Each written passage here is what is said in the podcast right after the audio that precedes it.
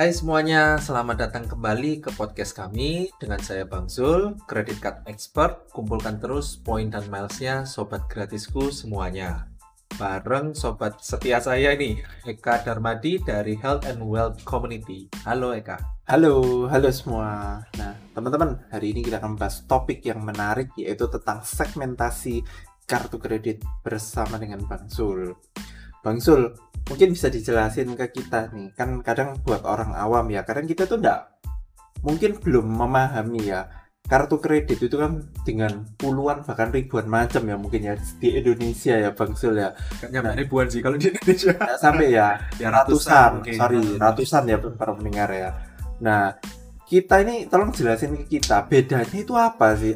Mungkin ada kelas-kelasnya ada apanya kayak gitu Bang Sul Oke oke kak, thank you. Uh, cukup menarik ya. Ini juga hal yang bikin keder waktu saya dulu pertama kali terjun ke karir mengumpulkan portofolio kartu kredit itu adalah membedakan segmentasinya. Kita kadang nggak sadar, memang karena nggak ditulisin juga sama hmm. banknya gitu loh. Mereka tidak mengedukasi pihak marketing dan salesnya juga rata-rata tidak mengedukasi bahwa uh, ada kelas-kelasnya gitu loh. Ya mungkin pihak bank ya nggak mau mendiskriminasi ya.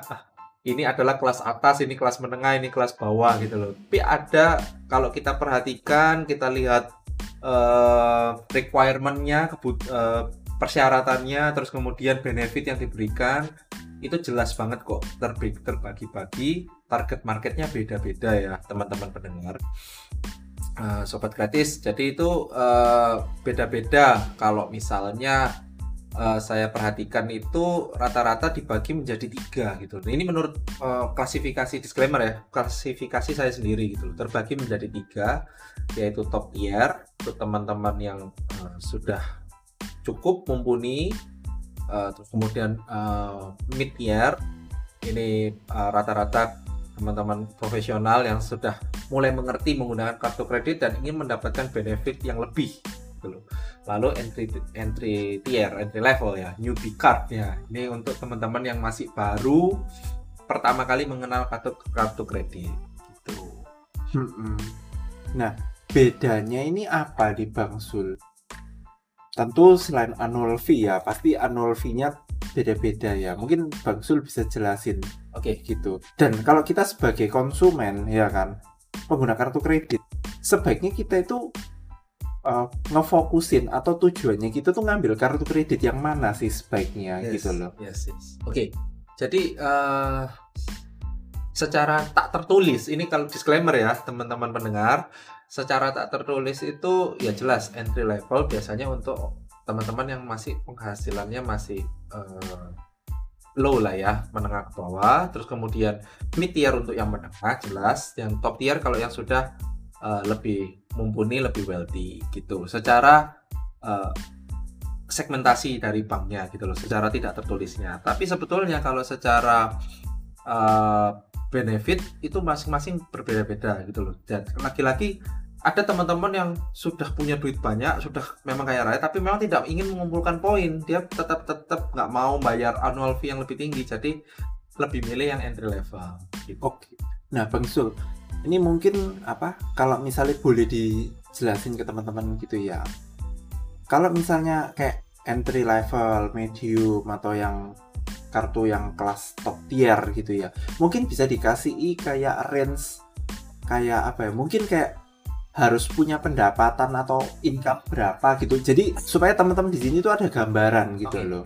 Oke, okay, saya kasih gambaran ya. Kita bahas satu-satu dari entry level dulu. Ini buat teman-teman yang masih kuliah, baru lulus kuliah, baru mulai kerja, uh, sudah mulai dapat pendapatan pasti ya, yeah. UMR lah paling enggak. UMR gitu. ya. Nah, nah, sudah bisa ngajukan ke bank membangun karir.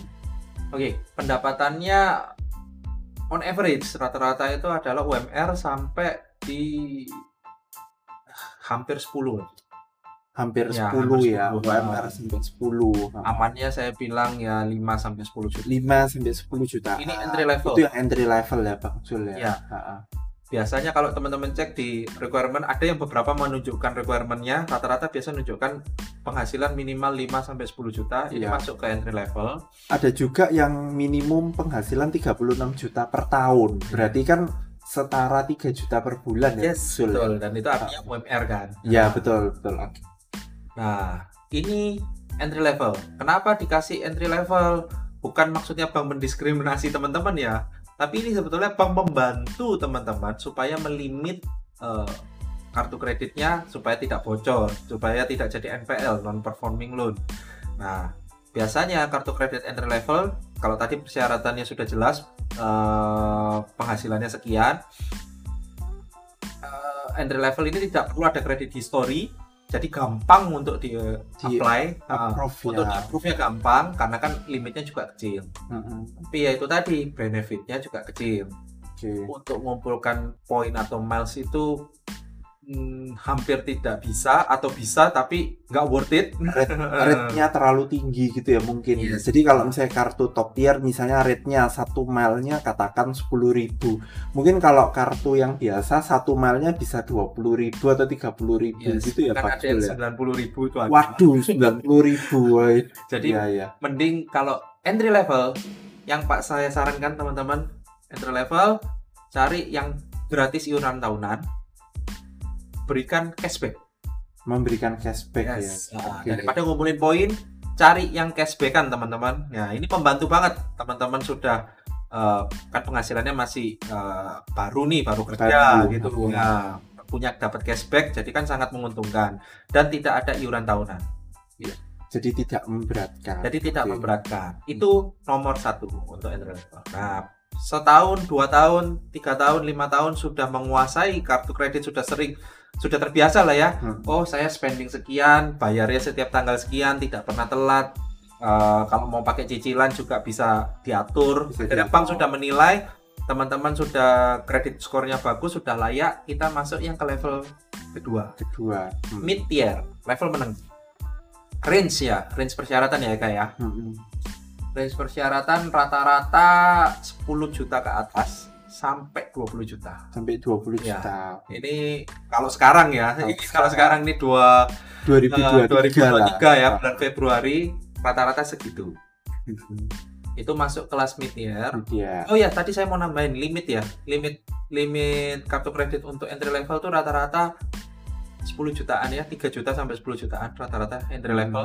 Mentok sampai ke 20 mungkin. Mungkin ya. Ah. Oke.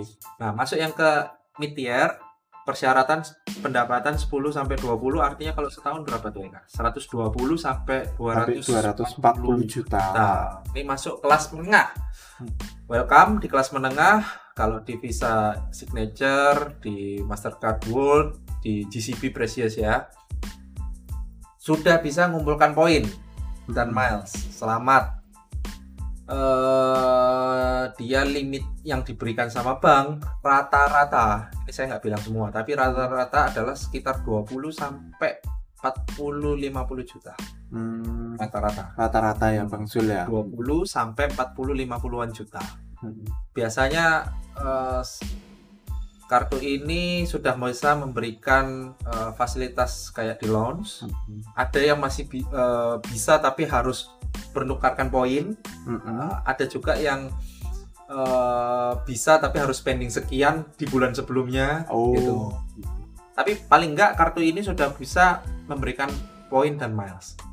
Rata-rata saya lihat itu 10.000 sampai 20.000 per Per mile. milesnya. Jadi ini masuk kelas menengah ya. Masuk kelas menengah. 10.000 sampai 20.000 per miles gitu. Nah, cukup lumayan lah.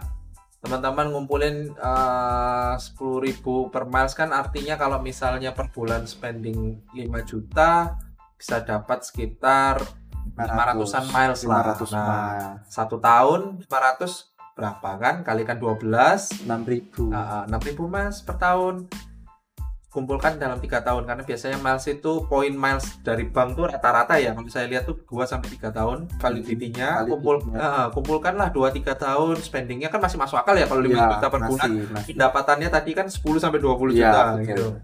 Nah, artinya kekumpul lah paling enggak tiga tahun, dua tahun sekali bisa jalan-jalan ke luar negeri kan lumayan. lumayan sebagai contoh misalnya Surabaya Singapura itu berapa ya Bang Sul ya Eh, saya- 8.700 ya kalau nggak salah kalau dengan SQ Singapore Airlines 8.500 TK. Hmm, oke oke. Berarti katakan nabung mal ya paling nggak setahun apa dua tahun lah ya Dua itu tahun. bisa dapat satu kali tiket Ya, rasanya Betul, Singapura. betul. Siapa sih yang mau bayarin kita dua tahun sekali liburan ke luar negeri ya? Ya oke oke. Terus nih kalau yang kartu top tier gimana nih Bang Sul? Masuk ya. Iya. Kita ke top tier. Kartu yang sudah bagi bank itu dianggap teman-teman mumpuni. Penghasilannya sudah oke dan eh, dipercaya. Selain penghasilannya oke, dipercaya karena kredit historinya, kredit skornya bagus. Gitu. Jadi sudah beberapa tahun melewati fase entry level dan mid level. Teman-teman ini sudah terlihat di history banknya nggak pernah bayar telat, selalu bagus. Nah, dipercayalah untuk masuk ke top tier. Persyaratan rata-rata. Ini Hmm. saya nggak ngomong mukul rata, tapi rata-rata mintanya paling nggak di atas 50 juta deh per bulan gajinya. Ya. Ah, gajinya atas 50 juta per bulan pendapatannya. Kalau teman-teman pengusaha ya biasanya harus menunjukkan eh, bisnisnya dalam eh, rekening koran ya, ha, Ah, rekening koran, ha, rekening koran perusahaan tuh macam-macam sih. Ada yang harus 100 sampai 1 miliar dalam tiga bulan terakhir gitu. 100 Hmm. juta sampai 3 1 miliar dalam tiga bulan terakhir. eh limit yang diberikan, saya menganggap kartu top tier itu limitnya di atas 50 juta ke atas. Oke. Gitu. Mm-mm. Ini disclaimer menurut saya pribadi. Iya. Ada beberapa dari kartu top tier sendiri terbagi-bagi ya. Ada yang super top tier, jadi dia limit minimumnya itu 100 sampai 200 juta itu ada. Ada. Tapi kalau yang paling general, top tier yang umum biasanya 50 juta ke atas sudah bisa masuk kategori top tier. Oke. Limitnya, limit yang dikasih bank ya. Limitnya. Ah, pendapatannya itu tadi 50 juta ke atas, 100 juta ke atas berarti per tahunnya eh 400 jutaan ya. Eh 500 jutaan ya. Ah, Ya 500 600 500 juta. 500 600 juta per tahun gitu loh. Itu sih biasanya. Kalau kalaupun pendapatannya teman-teman masih di 30 atau 40 juta bisa kok. Bisa di approve selama kredit skornya tadi bagus. Bagus. Nah. Mm-mm. Oke, siap siap Bang Sul. Benefitnya Mm-mm. Wah, luar biasa udahan. Dia kalau launch sudah pasti hampir semua mem- memberikan launch bandara gratis. Terus Dan kemudian bisa dua orang ya Bang Sul ya kalau kartu yang some some card ya, beberapa Iya. card sudah bisa. bisa dua orang. Aha. Eh, beberapa card itu bah memberikan eh, tidak terbatas. Kalau tadi di mid tier tuh kadang ada yang terbatas mungkin setahun sekali, setahun dua kali. Yang ini sudah tidak terbatas. Terus eh, ngum- ngumpulan milesnya satu satu milesnya itu biasanya spendingnya sudah di bawah 10.000 Kayak 7.500 satu Delapan- ya, mal. 8.000, 9.000, 7.500 bahkan kalau yang tadi yang saya sebutkan ultra top tier ya jadi Iya. yang limitnya luar biasa itu tadi biasanya bahkan di 5 ribuan sudah Wow, satu mil 5.000. ada yang paling rendah eh, saya pernah temuin itu sampai di 4.000 3.000 4.000 3.000-an ya. Itu Satu belum sama bonus malnya kalau kita mencapai pembelanjaan tertentu gitu ya. biasa jadi makin luar biasa lagi kalau yang tadi di mid tier eh, dalam waktu satu tahun mungkin pengum eh, sorry setiap bulan kumpulnya 500 sampai 1000 miles Mm-mm. dengan spending yang sama, Sama. bisa mendapatkan 2000 2.000 miles atau sampai tiga hampir dua kali hampir dua kali lipat Sul ya. betul apalagi kalau laki-laki teman-teman ini kan spend penghasilannya sudah gede ya sudah Ya. 50 juta ke atas ya otomatis spendingnya kan bisa mumpuni untuk mengikuti lifestyle atau kebutuhan hidup yang lebih tinggi Mm-mm. spendingnya yang tadinya cuma 5 juta 10 juta per bulan mungkin bisa 20 Bisa 30 juta per 30 bulan Oke. pendapatannya lebih tinggi lagi gitu Mm-mm. Siap. Jadi pengumpulannya lebih cepat, lebih kalau yang tadi bisa 2 3 tahun sekali luar negeri, ini bisa tiap tahun lah tiap ya. tahun pulang negeri ya masuk. Gitu.